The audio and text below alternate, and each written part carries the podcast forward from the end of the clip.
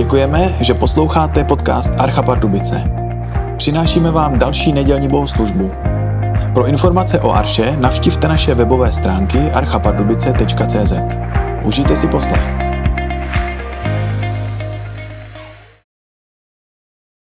Text eh, biblický, eh, který se vztahuje k dnešnímu kázání, je to z knihy Zjevení. Začínáme novou sérii eh, kázání na dopisy z knihy Zjevení. Toto je druhá kapitola, první, první sedm veršů. Andělu církve v Efezu napiš, to, toto praví ten, který drží ve své pravici těch sedm hvězd, který se prochází uprostřed těch sedmi zlatých svícnů. Znám tvé skutky, tvou práci i tvou vytrvalost. Vím, že nemůžeš snést zlé lidi. Vyzkoušel si ty, kdo si říkají apoštolové, ale nejsou. A shledal si, že jsou lháři. Vytrvalej si snášel těžkosti pro mé jméno a nepodlehl jsi únavě. Mám ale proti tobě, že jsi ztratil svou počáteční lásku. Proto si vzpomeň, odkud jsi odpadl, čiň pokání a dřívější skutky. Nebudeš-li činit pokání, přijdu k tobě a pohnu tvým svícnem z jeho místa. Máš ovšem k dobru, že nenávidíš skutky Nikolajitů, i já je nenávidím. Kdo má uši, slyš, co duch praví církvím. Kdo vítězí, tomu dám jíst ze stromu života v božím ráji. Tak, my budeme teďka uh, zpívat tři písně a během nich proběhne ještě naše pravidelná sbírka na uh, provoz archia dobré účely, tak se můžete připojit. A až dohrajeme, tak bych poprosil děti, aby se odebrali do svých nedělních besídek. Tak dobré ráno, krásné ráno vám přeji a děti, teď je ten čas, kdy teda vyrážíte eh, do besídek. Teď jsme se taky eh, vlastně prostřednictvím té písně modlili, prosili jsme, aby Pán Bůh přišel a Pán Bůh mluví skrze své slovo a já bych se rád eh, modlil, když ho otevíráme. Máme teda tu knihu Zjevení ve druhé kapitole otevřenou a můžeme jenom zůstat sedět a já se jdu modlit. Nebeský oče, my toužíme potom, aby si k nám promlouval. My toužíme potom, aby ty si dělal věci, které sám chceš. Aby si s nás pozbuzoval i proměňoval aby si s nás posouval svým směrem. Amen.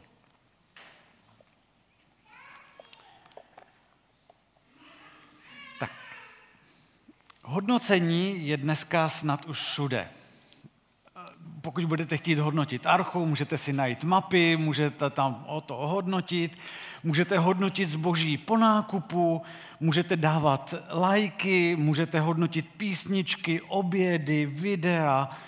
Ubytovali jste se, můžete to ohodnotit. Použijete toaletu, můžete to zhodnotit.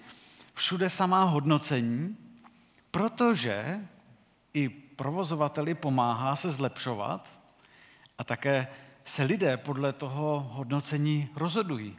Podívají se, půjdu někam a podívám se na hodnocení. A tady narážíme na limity, které hodnocení má. První potíž je v tom, že to lidské hodnocení je, že jako různí lidé máme jinou metriku, jak hodnotíme. Jo, prostě někdo hodnotí na základě pocitu, jiný na základě faktu. Stejná restaurace stejné jídlo a jeden řekne atmosféra skvělá a druhý řekne o, jídlo průměr. Jo, a teď se vyznejte v hodnoceních, protože je třeba tři hvězdičky z pěti. Jak to se do toho nějak jako teď uh, projeví? Potom to nedokážeme rozlišit, na jakém základě hodnocení vzniklo, takže přišla slovní hodnocení. A problém ale nastává v tom, jak se v těch hodnoceních vyznat. Protože, jak už jsem zmínil, někdo dává pět hvězdiček na potkání, tři totiž vnímá jako skutečně dobré. Jo, někdo jiný řekne tři hvězdičky, tak to já fakt myslím, že tři hvězdičky, to je fakt dobrý. Zatímco někdo jiný tři hvězdičky řekne, jo, tak to je skoro už, to už je skoro propadák. Jo. No a potom, když se zjistilo, že se lidé podle internetových hodnocení rozhodují, tak vznikl ještě jeden aktuální fenomén a to, že, a upozorně na něj třeba Janek Rubeš, dneska není problém někoho za pár dolarů najmout na druhém konci světa, aby vám psal hodnocení. Protože se ví, že se lidé rozhodují podle hodnocení. A oni vám to napíšou v jakémkoliv jazyce chcete, protože dnešní překladač je vám to překlad. A vy to ani nepoznáte. Běžně to nemáte šanci poznat. No a teď se v tom vyznejte. Hodnocení, to se řekne, to zní vznešně, že? Jenomže myslím, že proto je skvělé, že tady máme dneska před sebou boží hodnocení. Protože ten vidí dovnitř Nejenom, jak se věci tváří na povrchu, není to ani zaplacený hodnocení. Ježíš je objektivní, vidí, jak to je ve skutečnosti, nejenom, jak se to tváří. A popravdě Ježíš je ten, kdo dává nejupřímnější a nejobjektivnější hodnocení. Lepší už nemůžete získat, protože ho dává z hluboké lásky. Ježíš, když píše do sboru Efezu, tak to dělá, protože je má rád. Ano, eh, jsou lidé, kteří se hodnocení vyhýbají, protože je to pro ně takové nepříjemné. Jsou lidé, kteří hodnocení naopak vyhledávají, to proto, aby mohli zjistit, kde se zlepšit. Aby si dávali třeba pozor na svá slepá místa. A Ježíš je tady jako ten, kdo hodnotí zbor v Efezu, aby vnitřně porostl. Protože Ježíš touží, aby sbor byl místem, kde bude lépe odrážet Ježíšovi priority, Ježíšovi zájmy, Ježíšovi cíle. A proto jim píše. Proto si říká, to je fajn jim napsat. A všimněme si, že Ježíšovo hodnocení není tři z pěti hvězdiček, ale je konstruktivní. Bod po bodu. Jak co se týče pochval, tak potom toho, co je dobré zlepšit. A my jsme si říkali, právě proto, že chceme být jako archa společenství, které je vedené božím slovem, tak už před létem jsme se jako vedení sboru před prázdninami rozhodli, že se chceme nechat v tomto období vést božím slovem, co Ježíš psal těm sedmi zborům. Jsou to vlastně dopisy v poslední knize Bibli, tedy v knize Zjevení, které jsou adresované církvím a jsme vlastně zvědaví, co, co nám to může říct? Nám v tomto období, nám jako společenství Archy. Jeden z nich, který máme před sebou, uh, už jsme ho společně četli, dnes se chceme podívat na to, co se z něho můžeme naučit i my. A má to stejný záměr. To, abychom se mohli posunout, porůst, zlepšit, být Ježíšem usměrněni, být Ježíšem pochváleni. Prostě chceme se nějak nechat vystavět tomu, jak to chce Ježíš. Proto to konec konců Bibli také máme. Nebyl to jenom osobní dopis do Efezu, zabelin do obálky a poslaný jenom jim. Takže podívejme se na to, co Ježíš říká. Podíváme se na verše 2 a 3 z té druhé kapitoly ze zjevení. Jsou tam pochvaly. A když se řekne, že Ježíš chválí, Možná to je pro někoho překvapivé, protože může mít představu takového přísného Ježíše, který si nevšímá dobrých věcí. Dobré věci považuje za samozřejmost a vidí v Ježíše, který je jenom přísný, jenomže Ježíš takový není. Reálný Ježíš je ten, kdo vidí, co je dobré. A proto říká, dobrý, super, FS, perfekt. A těší ho to, Pochválí je za to, nepřehlíží to. Takže co, za co je chválí? Předně jsou ti efeští pochváleni za jejich nasazení a úsilí. To je ta vytrvalost. Verš 2. Vím o tvých skutcích, o tvém úsilí i tvé vytrvalosti. To znamená, že Ježíš jim říká, hele, vy nejenom uvažujete o tom, co by bylo dobré, ale vy taky děláte. Vím o tvých skutcích. A jste v tom vytrvalí těžce pracujete na božím díle. A tak si můžeme představit, že měli třeba nějakou rozjetou zborovou práci, evangelizační kampaně, já nevím. A, ale co víme, nebyly to jenom krátkodobé záležitosti, protože Ježíš zmiňuje jejich vytrvalost. Měli živou víru, která se vyznačovala tím, že byli zapojeni do práce i, i přes nesnáze. I když byly nějaké nesnáze, pokračovali dál. Nebyl to žádný takový sbor typu, že přijdeme do sboru v neděli, zaspíváme si a jdeme domů. Byli to lidé, kteří byli neúnavní ve své práce, chtěli, aby se šířila dobrá zpráva o Ježíši a za to všechno si od Ježíše vysloužili pochvalu. A nejenom to, nejen, že sloužili svému okolí, všimněte si, Ježíš tam říká ještě další věc, že mají dar rozpoznání falešného učení. Říká Ježíš, vy jste rozpoznali ty, kteří se sice vydávali za apoštoly, ale apoštoly nebyli. Dokázali rozpoznat lži a postavit se proti bludu. Byli, byli rozhodní ve vztahu k falešnému učení. Prostě byli připraveni říct, hele, ale to, to, to, to ne, takhle to Bůh neříká.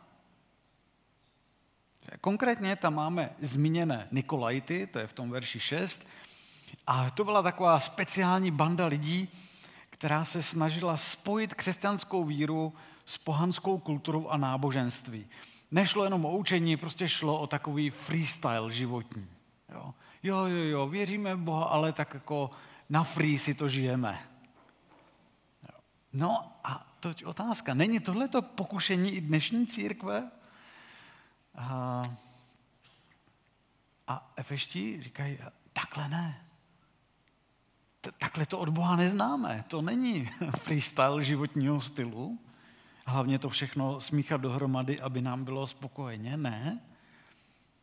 Ale chceme to dělat, jak to pán Bůh chce. A to, je, to, to Ježíš chválí. Efeský sbor to uměl rozpoznat, uměl se tomu postavit, že to není boží způsob a nejenom, že to řekli, co je zlé, ale dokonce i vytlačili pryč.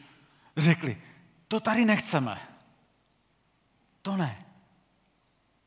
A tak, zbor v Efezu byl pracovitým sborem, zaznívají v tomhle ohledu pochvaly, ale jak už to bývá, vždycky přijde nějaké ale. Všecko jde hladce, dokud nezačíná čtvrtý verš. Vždycky nějaké ale se najde. Možná jste to taky zažili, někdo vás chválí, chválí teď toto. A už jenom čekáte, kdy přijde ale. Tak tady to přichází. To ale je příležitostí pro růst. Je to možná příležitost pro vystřízlivění. Je to příležitost se neukolébat, že všechno, co se děje, je fajn. Protože obyčejně není všechno fajn. Takhle totiž funguje i v našem reálném světě. Potřebujeme znát nejen skvělá pětihvězdičková hodnocení, ale především realitu. A tak, tak jak jsem zmiňoval to Janka Rubeše, který upozorně na ta fejková pozitivní hodnocení skrze trolí farmy na Google mapách, tak nebojte se, u Ježíše se nic takového nestává nemusíme se bát, že by viděl jenom superlativy, že by viděl jenom to naleštěné pozlátko a přehlédl realitu. Takže pojďme se podívat, kde Ježíš vidí prostor pro růst. To je v těch verších 4 a 6. Tak to, to, co jim vlastně připomíná, je úplný základ, grunt. To je to hlavní, o co v církvi jde. O co Ježíši jde v církvi. A to aby lidé měli vztah lásky s ním. To je to první, o co jde. Nejde o aktivity v církvi, ale jde o to, že z lásky k Bohu, z lásky k Bohu má totiž všechno ostatní vycházet. Jinak sice může jít o šlapající projekt nebo aktivismus, a to Ježíšovo vlastně varování míří tímto směrem. Helejte, když i všechno ostatní bude šlapat, ale láska ke Kristu bude chybět. Nebude to už Kristova církev. Protože pánem církve sboru je Ježíš. V tom nás vlastně Ježíš chce varovat, že to první, o co jde, je láska k němu. Že říká Ježíš, říká, vzpomeň se, jakou lásku jsi měl. Vrať se k ní. Protože o takovou lásku mi jde. A to nebezpečí je, když lásku, vztah nahradíme aktivismem. Stejně jako je jiné nebezpečí, když lásku nahradíme jenom city. Třeba pro lidi, jako jsem já, je to Ježíšovo volání k návratu, k lásce, tak může znamenat tohleto, Romané, nedělej furt něco. Klidně se zastav. Uži si moji lásku. Že? Pro jiný typ lidí to zase může znamenat, ale to je dobře, že jsi v mé přítomnosti, že se těší ze mě, že máš radost toho, že zůstáváš se mnou, hm, tak by také bylo dobré třeba i něco pro druhé udělat. Jsme různí. Je to různé člověk od člověka. Ale láska je především rozhodnutí milovat. Láska je volba, jak píše Gary Chapman, pět jazyků lásky. Je to, je to rozhodnutí chtít být s ním, radovat se z Boha, prožívat s ním vztah, dobré i zlé, zdraví i nemoc. A z lásky k Bohu se potom nechat Bohem používat.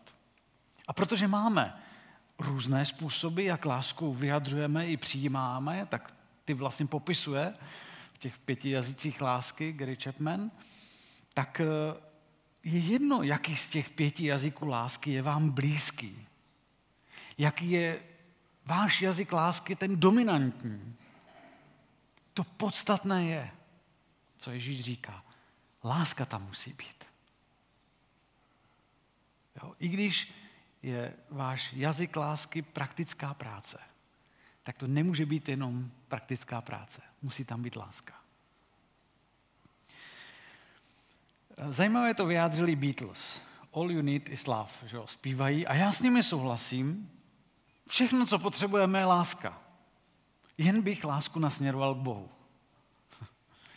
Jo, to je opravdu to, co potřebujeme z nitra své bytosti. Milovat Boha a přijímat lásku od něj. Všechno, co potřebujeme, je láska. To všechno ostatní už vychází jenom z tohohle toho. A to, co nám tady Ježíš říká, ta pravda je taková, že všichni potřebujeme růst v lásce. Úplně všichni. Protože boží láska je nedostižný vzor, protože i když si představíte toho nejvíce milujícího člověka na celém světě, tak stejně je to tak moc vzdálené, jak je velká a hluboká boží láska. Jak je vytrvalá boží láska. Proto všichni máme kam v té lásce růst. A i když se budeme snažit o růst v lásce sebe víc, tak Ježíšova láska bude vždycky větší. Proto vždycky máme prostor pro to, kam růst v lásce. Proto vždycky je dobře, když pracujeme na tom, aby rostla láska. Proto Ježíš touží, aby rostla naše láska, aby to byl vztah. A můžeme růst v lásce trojím způsobem. V lásce k Bohu, lásce k druhým lidem, lásce ke ztraceným, tedy lidem bez víry třeba ještě v tuhle chvíli. Láska je vlastně pro to budování společenství velmi důležitá. Bez toho se snad ani nedá zbor budovat. Bez lásky se nedá sloužit. Takže právě proto se dnes zastavujeme nad těmi Ježíšovými slovy a, a chceme si klást možná i nepříjemné otázky, ale jednoduché otázky. Jaká je moje láska k Bohu? Jaká je moje láska k lidem? je v pozadí za tou naší prací, službou ve sboru, za tím vším, co děláme, láska? A nebo jenom povinnost? Co je zatím? Nebo zase trochu odinut. Dokážeme spolu v lásce nejenom žít, ale i pracovat? Nebo jeden druhého jenom trpíme? No, je tady, co se dá dělat. Jde nám o to, abychom skutečně budovali tenhle ten sbor a lidi vedli k lásce k Bohu? A nebo chceme mezi sebou soupeřit? Že kdo v tom bude lepší? Kdo to lépe řekne? Kdo udělá více aktivit? Dokážeme být v boží lásce jeden k druhému otevřenými nebo si své věci skrýváme? Bojíme se toho, když se otevřeme? Chceme v této lásce naslouchat jeden druhému? Chceme naslouchat Bohu, aby mluvil do našich věcí? Zajímá mě, co si myslí Bůh? Zajímá mě, co si myslí druhý člověk? Chceme se v lásce umět učit i přijímat konstruktivní kritiku? To jsou výzvy lásky. Ale láska má jedno velké zaslíbení, které otevírá třeba i Petr, když to píše v listu 1. Petrova 4.8. Láska dokáže mnohé přikrýt. No, ale pojďme se vrátit tady do tohoto našeho konkrétního listu. Ve verši 5 vidíme, že láska se projevuje činem. Protože co Ježíš říká? Říká, navrať se a říká, jednej jako dřív. Jo, ne cít jako dřív, ale jednej jako dřív. Nemá to být jenom tedy aktivismus, ale láska, ze které vychází životní kroky. Protože z lásky k Bohu má všechno ostatní vycházet. Moje činy. To, jak mluvím, jak jednám. No a to se dostáváme tady pomalu do toho verše 7, který nám říká v podstatě nastražme uši. Proto všechno, co tady teď Ježíš říká, pozorně nastražme uši, protože my to potřebujeme slyšet. A když Ježíš říká, čiň pokání z toho, tedy změň to, tak je ta nejlepší chvíle právě teď. Jestli, jestli potřebuje něco změnit, ty víš, že to potřebuje změnit, tak je ta nejlepší chvíle právě teď. Teď můžu prosit Boha, pane Bože, toto mi nejde. Prosím, já chci víc. Víc lásky. Takže nastražíme uši, protože to, co tady se dozvídáme z toho sedmého verše, kromě toho, že nám tyhle ty dopisy budou přinášet jak napomenutí, tak naději, tak eh, i různé jiné věci, ale především nás vyzývají, abychom naslouchali, abychom otevřeli uši i srdce k tomu, co Bůh říká církvím. Všimněte si to, že tam je církvím. To nemá poslouchat jenom zbor v Efezu. Takže tenhle ten sedmý verš nás nenechává na pochybách, jestli se to týká jenom efeských nebo i dalších. Ne, co duch praví církvím. Takže všichni máme nastražit uši, naslouchat slovům Ježíše Krista. A možná taková velmi důležitá věc v této souvislosti je, komu budeme naslouchat, na tom opravdu záleží. Komu budeme naslouchat, na tom opravdu záleží. Protože nasloucháním to začíná. A potom je důležitá i změna, jak to říká Ježíš ve verši 5. Rozpomeň se, odkud si klesl. To se nedá tehdy, jenom když člověk naslouchá. Navrať se a jedne jako dřív. Neli přijdu na tebe a pohnu tvým svícnem z jeho místa, jestliže se neobrátíš. Takže změna je tím cílem. Naslouchání Ježíši je tím prostředkem. Takže nasloucháním to začíná, takže pokud jste to doteďka nestihli, tak si to můžete pustit ze záznamu. A potom je ale hlavně čas na změnu. Naslouchat tomu, co Ježíš říká, a potom přichází změna. Cílem totiž Ježíšova hodnocení je z tohle toho listu prohloubení lásky. Vrátit se k lásce. Takže jsme vlastně v závěru, máme závěrečné šťavnaté povzbuzení. Verš 7. Tomu, kdo zvítězí, dám jíst ze stromu života v božím ráji. Takže Ježíš říká, je připravena odměna, za kterou se vyplatí jít. Ochutnáme ze stromu života. To je, to je vlastně obraz věčného života. A to bude něco nad naše očekávání, nad všechny naše sny, nad všechny naše představy. To bude nádhernější, plnější, šťavnatější, než si vůbec dokážeme představit. A tohle to Ježíš říká, to je pro ty, kteří vytrvají do konce. kteří mě milují, kteří vytrvají do konce. Takže ta šťavnatá odměna je pro ty, kdo mají lásku k Bohu, osvědčí se ve vytrvalosti, nebo jinými slovy, prostě doběhnou závod až do konce.